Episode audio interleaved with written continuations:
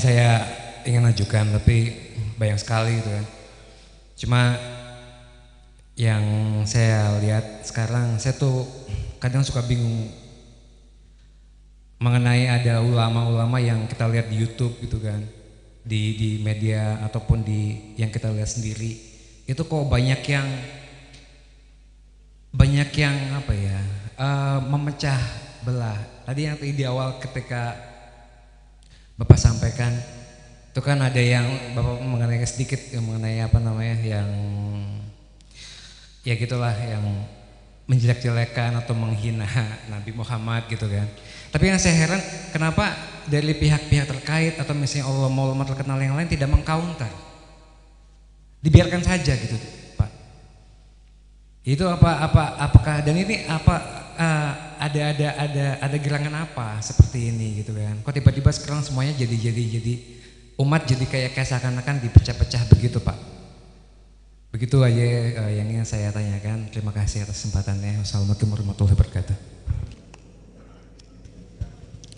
Ini pertanyaan murni ditujukan kepada saya. Karena saya tidak pernah mengcounter, saya tahu. Saya tidak pernah perlawanan.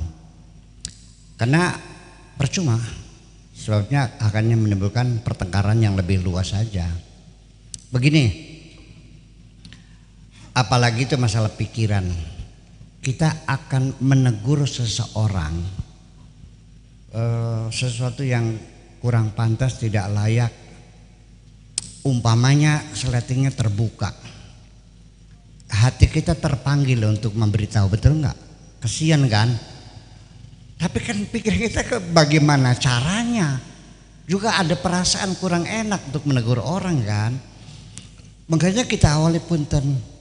Apa? Punten. Ngomong juga pelan. Oh, pelan. Dibisikin seletingnya oh ya makasih. Ya saya sering menegur orang. Ini dari pengalaman saya sendiri saya ceritakan. Mudah-mudahan anda jangan mengalami hal yang sama dengan saya. Biar saya yang berpengalaman dan memang saya ini orang yang paling banyak pengalaman Pak Mahfud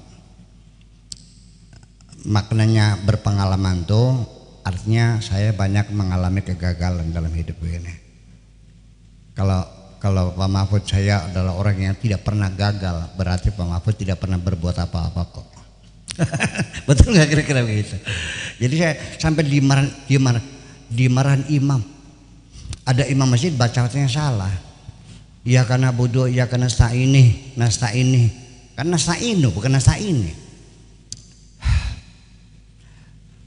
Nggak usah disebut masjidnya ya. Tetapi sebelum saya menegur bahwa Fatihahnya salah, saya sanjung dulu. Bayangkan, saya sanjung dulu. Suaranya merdu, oke? Okay? Tajwidnya oke. Okay. Lagunya bagus. Hanya saja fi'il mudhari itu nggak ada yang majrur nih. Nasta'ini itu artinya nasta'inu. Kalau nyambung nasta'inu dinas siratal mustaqim Sirane modoknya berang tahun. Bayangkan. Dia imam masjid, saya kan bibitnya imam. saya kan ketua Forkim yang tiap hari membina imam. Ya, saya dari sejak awal dengan Pak Yance itu luar biasa. Saya didanai besar-besaran membina. Untuk apa? Untuk meningkatkan kualitas ibadah umat kok.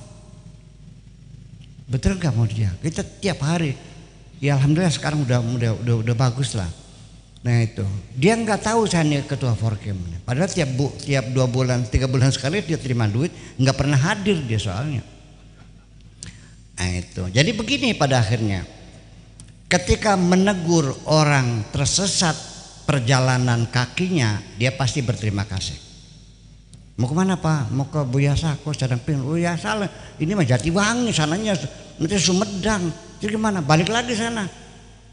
Lewat sana nanti lewat Kertajati nanti sampai Bangkaloa Jati Barang belok kanan puter lewat jembatan panjang Jati Barang terus nanti ada jembatan Mencos nanti 300 meter ada pom bensin di situ orang yang tersesat perjalanan kakinya ditegur berterima kasih enggak tapi kalau orang yang perjalanan pikirannya salah minta berantem kok Itu persoalannya. Jadi saya memilih tidak merespon.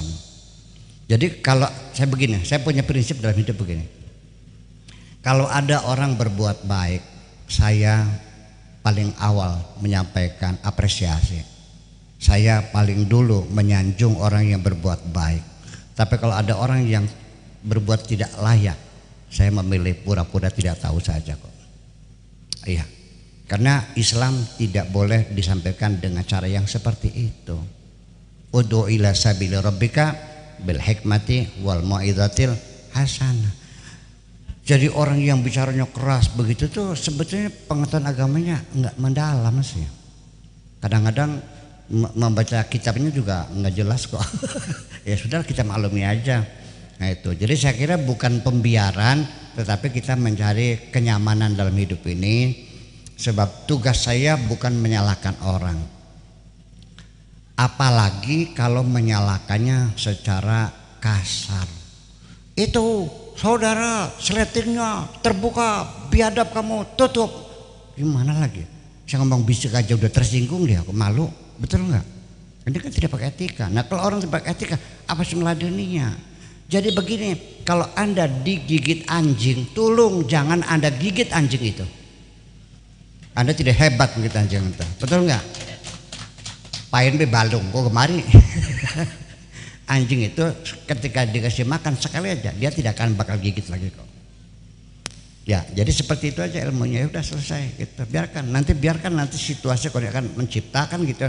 Sebab bagaimanapun orang kalau tidak halus, tidak lembut, bukan bil hikmah, orang tidak akan mendekat dong. Orang bisa dekat kan kebaikan apalagi bisa berkata iya begini manusia ini punya gelombang ya gelombang manusia ini ada gelombang positif gelombang negatif apalagi ngomong apalagi kita nih kita duduk berdampingan saja kita bisa merasakannya. Yuk kita buktikan. Pernah nggak duduk di mobil dengan orang yang tidak kita kenal? Sering nggak? Sering. Pernah nggak merasakan ketika duduk ini nggak nyaman rasanya? Nggak betah tuh pengen pindah aja. Pernah nggak begitu? Ada nggak begitu duduk dan merasa nyaman banget? Badi pun di Pak Jakarta, keluarga Jakarta, eh pun di anu teng Tanjung Priuk ngobrol nyaman aplak aplik aplak aplik tahu tuh sudah Jakarta aja. Sering nggak begitu? Kenapa? Itu jiwa orang itu memang negatif nggak enak nggak betah. Itu. Jadi kalau orang yang jiwanya baik akan dirindukan. Bagaimanapun kebaikan-kebaikan yang kita lakukan menolong orang, membantu orang segala macam itu adalah uh, satu pola yang sekarang sudah di, di, di eksperimen yang sudah bukan paradigma biasa sudah eksperimentalis bahwa the law of attraction itu salah satunya kita harus terbuka menolong siapa pun berbuat baik kepada sesama itu salah satu the law of attraction itu daya tarik kita itu kebaikan-kebaikan kita. Percaya atau tidak silakan kita buktikan nanti. Saya begitu. Jadi mereka itu jadi magnet ini ini kalau magnetnya negatif-negatif dia akan nggak akan nyatu, betul nggak? Tapi kalau magnetnya itu bagus, dia narik. Dan magnet itu adalah uh, uh, fisika partikel yang tidak bisa dibuktikan wujudnya, nggak bisa dipegang, nggak bisa diraba, nggak bisa dicium, nggak bisa difoto, nggak bisa. Tapi hanya dipelajari reaksinya saja. Begitu dia narik oh berarti besi ini ada ada magnetnya. Itu persoalannya dan ini kajian-kajian kita sudah masuk dalam kajian-kajian fisika partikel juga masalah masalah psikologi ini. Itu kira-kira ya. Jadi biarkan saja lah gitulah gitu. Negur juga pasti tidak akan terima dan kita bertengkar. Nah ketika kita bertengkar orang rajin musyrik musyrik apa itu kuburan tuh? Bid'ah itu musyrik. Apa itu? Beduk itu musyrik. Apa itu? Apa itu? Nadran ya nadran. Musyrik mapak syirik memitu musyrik musyrik ini orang-orang yang memecah belah itu Allah yang mengatakan mereka adalah musyrik wala takunu minal musyrikin minal ladzina farraqu dinahum wa kanu syi'a wa kullu hizbin bima ladaihim farihun. Orang yang mecah belah, membuat kelompok-kelompok, golongan-golongan segala macam sehingga bermusuhan, itu musyrik. Di mana letak musyriknya? Mensekutukan Tuhan. Dengan siapa? Dengan kelompoknya, dengan golongannya. Sehingga selama ini engkau melakukan pembelaan bukan membela Allah, tapi membela organisasimu. Itu musyrik. Terima kasih.